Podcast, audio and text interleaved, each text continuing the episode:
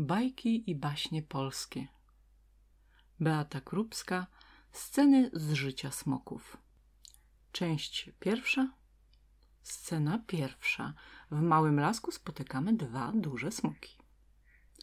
Pewnego ranka smok Antoni obudził się o dziesiątej.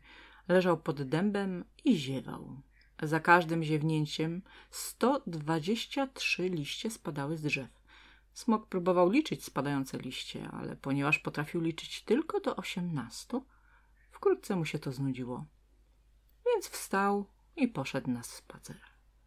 Po jakimś czasie usłyszał głośne dudnienie, a z drzew posypał się prawdziwy huragan liści. To tak mocno tupie, pomyślał smok Antoni. Mama zawsze mi mówiła, że w lesie należy zachować ciszę. Ledwie to pomyślał, gdy spośród drzew wyłonił się drugi smok. Był większy od Antoniego i mocno kulał. A, powiedział Antoni. O, odezwał się drugi smok. Z kim mam przyjemność? Antoni zapytał grzecznie. Wincenty smok, powiedział drugi smok. Co za spotkanie! Dwa smoki w jednym lesie. Co za radość! Cieszył się smok Antoni.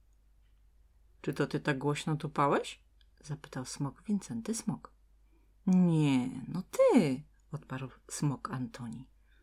No tak, to moje biodro sprawia mi kłopot, nawet po tylu latach. Westchnął Wincenty. Co się stało? Ktoś miał przetrącić biodro tak szlachetnego smoka? Spółczuł Antoni. Wincenty podrapał się po głowie. Głowę miał niewielką i całkiem łysą. Oba smoki były tłuste, z dużymi brzuchami i gdzieniegdzie wyrastały im kłaki zielonych włosków, a na brodach miały brodawki. Każdy z nich miał zawieszony na szyi termos z zupą ogórkową. Widzisz, zaczął Wincenty. Było to 208 lat temu, tak mniej więcej na jesieni. Wylegiwałem się w kartoflisku, gdy raptem napadł na mnie rycerz. Taki był ambitny, że nie pytając o nic zaczął ze mną walczyć. To znaczy, ja nie walczyłem. On walczył. Przetrącił mi biodro i chyba by mnie zabił, gdybym nie zaczął udawać martwego smoka. Mam zdolności aktorskie, więc jako martwy smok wyglądałem całkiem przekonywająco. No i rycerz pojechał dalej szukać innych żywych smoków. Te, młody był ten rycerz, taki chłopak. Wołali na niego Jerzy. Wincenty rozmarzył się trochę, wspominając dawne czasy. A wiesz, Antoni chciał pokazać, że też ma co opowiadać. Tutaj niedaleko mieszka taki stary smok w zamku, starszy od nas. Chodził z moim ojcem do szkoły i razem siedzieli w smoczej ławce. Właśnie on niedawno porwał księżniczkę. Wincenty zainteresował się wyraźnie. Niemożliwe. Stary smok? Że też mu się jeszcze chciało. Tak, tak. Antoni był dumny z siebie. Tutejsze smoki też bywają dzielne. Ja sam nie bardzo mam się czym pochwalić, ale ja mam dopiero 180 lat. Mam czas, czyż nie? A dużo smoków w okolicy? Zapytał Wincenty. Bo ja wiem, oprócz nas i tego na zamku, to nie słyszałem o żadnym, ale gdyby tak dobrze poszukać, to by się coś wygrzebało. Chyba tak. Wincenty najwyraźniej nad czymś się zastanawiał. Bo wiesz, przyszło mi do głowy, że można by zagrać w piłkę. Antoni aż podskoczył do góry, a kiedy opadł na ziemię, trzy pobliskie drzewa zostały zupełnie bez liści. No, no! zawołał. To gramy, chodź! E, nie we dwóch, sprzeciwił się Wincenty. Myślałem o meczu. No wiesz, żeby w nogę zagrać. Antoni zasępił się natychmiast. To zupełnie niemożliwe, powiedział. Skąd weźmiesz dwadzieścia dwa smoki? Coś ty oszalałeś? Wincenty uśmiechnął się szeroko. Może i oszalałem i nie wiem, skąd wezmę dwadzieścia dwa smoki, ale tylko pomyśl. Duża zielona łąka, z dwóch krańców bramki, na środku łąki piłka, a na łące, na łące rozsiane jak kwiaty dwadzieścia dwa smoki. A sędzia? Przypomniał sobie Antoni. Wincenty nie przestawał się uśmiechać. Jak będą dwadzieścia dwa smoki, to i dwudziesty trzeci się znajdzie. Publiczność też by się przydała. Do tego możemy wziąć ludzi. Wincenty przestał się uśmiechać. Teraz to ty chyba oszalałeś. Jeśli widok jednego smoka wpędzi ich w histerię, to wyobrażasz sobie, co by się działo na widok dwudziestu dwóch smoków? No właśnie, zgodził się Antoni. Tego w ogóle nie mogę pojąć. To przecież taki piękny widok. Dwadzieścia dwa smoki pośrodku dużej zielonej łąki. Najpiękniejszy widok na świecie. Scena druga. Zapoznajemy się ze smoczą muzyką. W środę rano smok Antoni i smok Wincenty Smok poszły na grzyby. Przez długi czas nie mogły znaleźć ani jednego dobrego grzyba. Spójrz, powiedział Antoni, same niejadalne, borowiki, kurki, koźlaki. A tak bym zjadł parę pięknych czerwonych muchomorów smażonych na maśle, albo muchomora szatana, byleby nie był robaczywy. Poczekaj, wysapał Wincenty, obcierając czoło chustką, bo było bardzo gorąco. Smoki lubią takie rzeczy jak muchomory i różne inne paskudztwa. Są to ich przysmaki, po których bardzo szybko rosną i z pysków wydmuchują ogień. Po chwili znaleźli duże pole pełne pięknych muchomorów. Wincenty splunął ogniem z radości, a Antoni wypuścił nosem parę kłębuszków czarnego dymu. Szybko nazbierali kosz muchomorów, usiedli pod dębem i ułożyli stos gałązek, aby rozpalić ognisko. Ułożyli grzyby na patelni, a kiedy były gotowe, zjedli z apetytem. Położyli się na plecach syci i zadowoleni i zaczęli rozmawiać. Ciekawe, dlaczego ludzie nie jedzą muchomorów, zauważył Antoni. Bo im szkodzą, stwierdził Wincenty. E, tam mały ból brzucha jeszcze nikomu nie zaszkodził. Ale im bardzo szkodzą. Oni mogą zjeść muchomory tylko raz. Potem już na nic nie mają ochoty. To co innego, zgodził się Antoni. W takim razie lepiej, żeby ich nie jedli. W lesie rozległo się głośne tupanie. Oho, mruknął Wincenty. Będziemy mieli gości. Na polanę wszedł smok. Miał różową grzywkę, długie fioletowe włosy związane na karku w ogonek, na szyi termos, a na ramieniu saksofon. Był spocony i bardzo niezadowolony.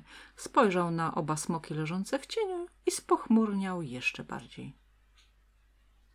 Ile jest trzydzieści sześć razy trzydzieści sześć? Zaryczał ponuro. Nie wiem, bez namysłu odpowiedział Antoni.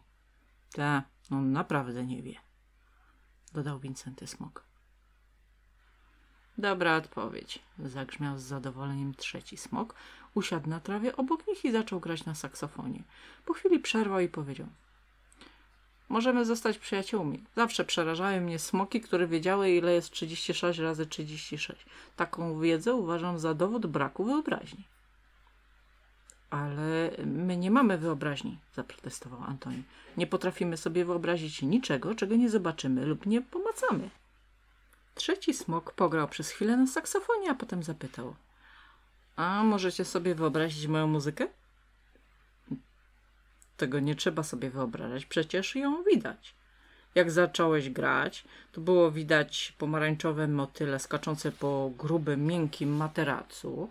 Potem zielone nietoperze opalały się w hamakach, a na końcu przyleciał łysy pies, zakaszlał, wypił butelkę oranżady i zaczął się głośno śmiać, a potem wszystko zniknęło. To prawda, tak było, potwierdził Antoni. Sam widziałem. Trzeci smok poderwał się na łapy, skłonił głowę tak gwałtownie, że mu się różowa grzywka rozwiała nad czołem i powiedział Nazywam się Smok Zygmunta i mam zamiar zostać waszym dozgonnym przyjacielem, czy tego chcecie, czy nie. Oba smoki popatrzyły po sobie niepewnie. Dlaczego smok Zygmunta? zapytał jednocześnie. Smok Zygmunta usiadł i zagrał na saksofonie. Powietrze wypełniło się pomarańczowymi motylami i zielonymi nietoperzami, za którymi gonił łysy pies. Już byś przestał, parknął Antoni. Ten łysy pies mnie denerwuje. Smok Zygmunta przestał natychmiast, łysy pies zniknął i smok zaczął opowiadać. Y, mój ojciec miał na imię Zygmunt. To raz. Kiedy się urodziłem, to byłem taki duży jak dzwon Zygmunta i głos miałem silny jak dzwon Zygmunta. To dwa. Moja mama nazwała mnie smok Zygmunta. To trzy. A że jestem ukochanym jedynakiem, więc na tym się skończyło. To cztery, powiedziały razem oba smoki. Co cztery?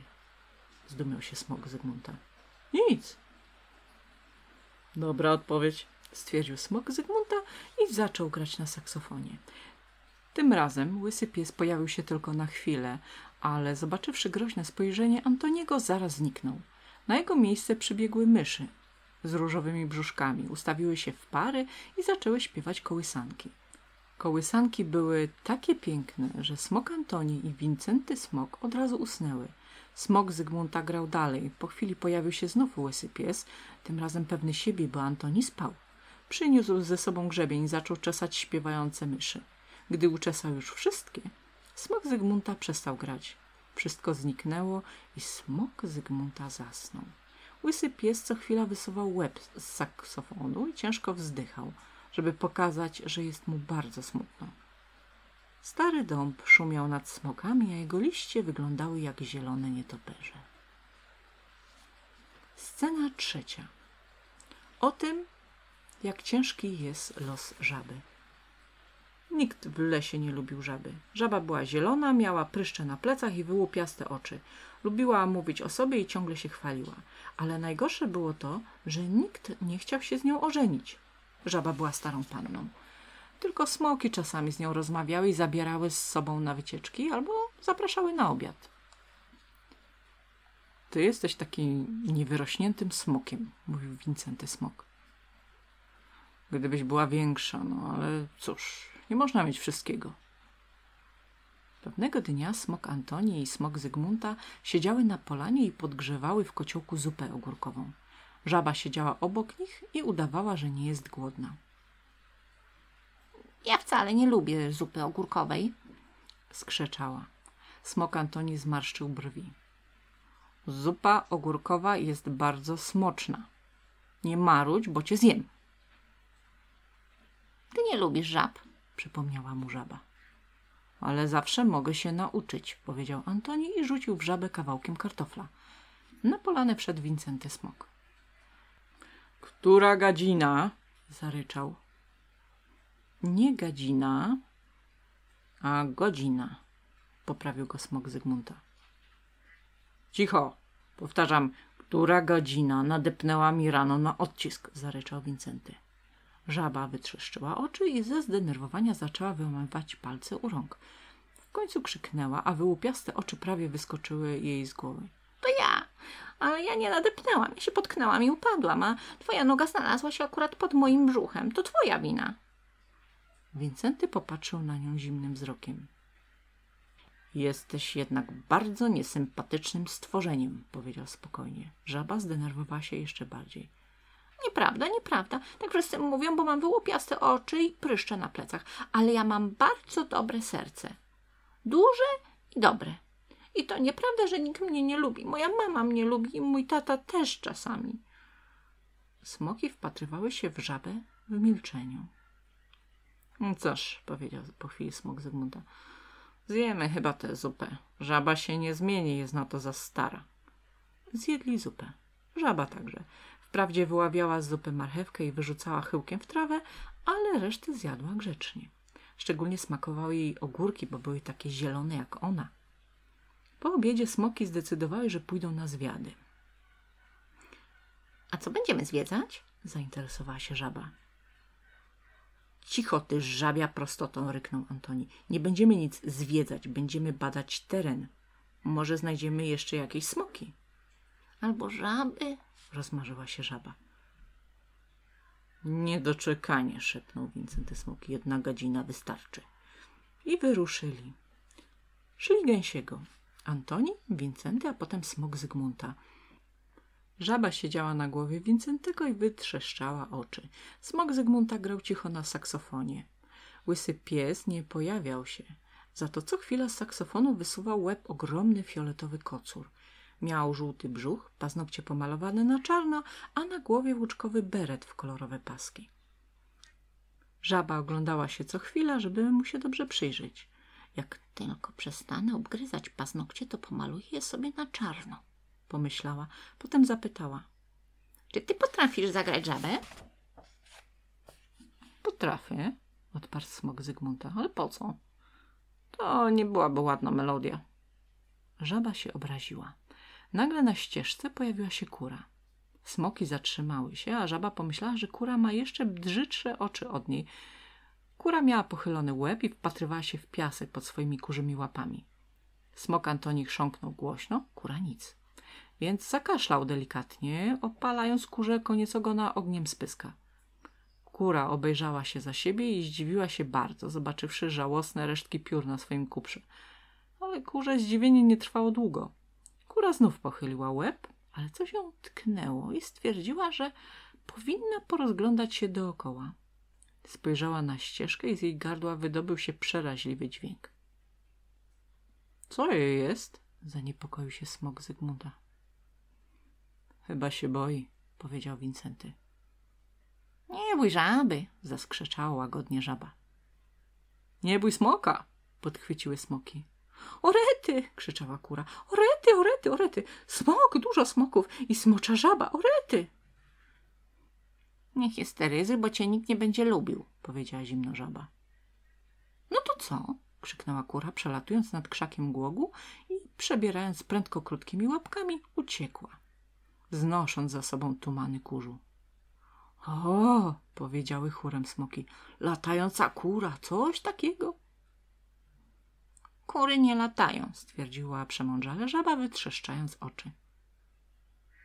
Jak to nie latają? To lata. Nie widziałaś? Oburzył się smok Antoni.